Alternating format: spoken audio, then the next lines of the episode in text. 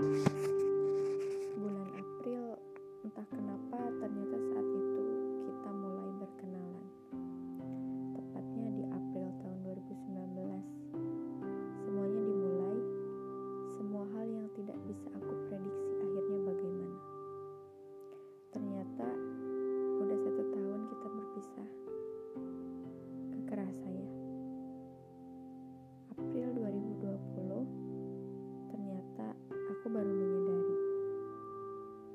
tiba-tiba kembali lagi pada bulan ini tanpa basa-basi. Kamu masuk kembali dalam hidupku entah sekarang endingnya yang akan bagaimana. Apa pun yang akan terjadi nanti, antara aku dan kamu, aku sudah menyiapkan diri. Aku lebih kuat dari aku yang kemarin.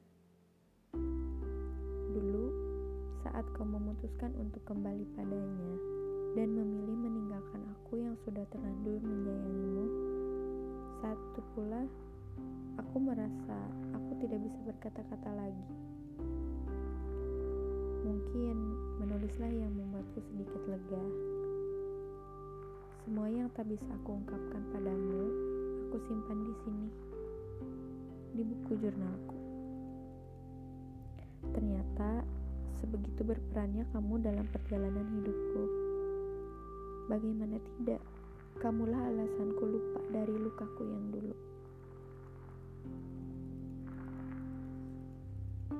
Aku yang tidak pantas untukmu, atau kamu yang tidak pantas untukku. Mungkin ini cara Tuhan menunjukkan rasa sayangnya padaku, menjauhkanku dari hal-hal yang akan membuatku tersakiti. Aku berpikir mungkin semesta tidak ingin melihatku tersakiti dan hancur untuk kesekian kali. Aku tidak bisa memaksa kehendakmu untuk mencintaiku dan bersamaku. Aku hanya merasa sakit ketika aku yang selalu ada tapi tak pernah dianggap ada.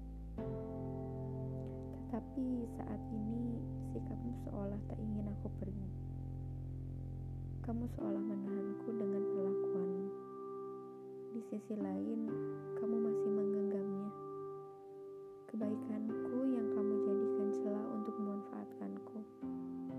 Untuk apa? Hanya untuk menemanimu saat kamu merasa sepi sepertinya.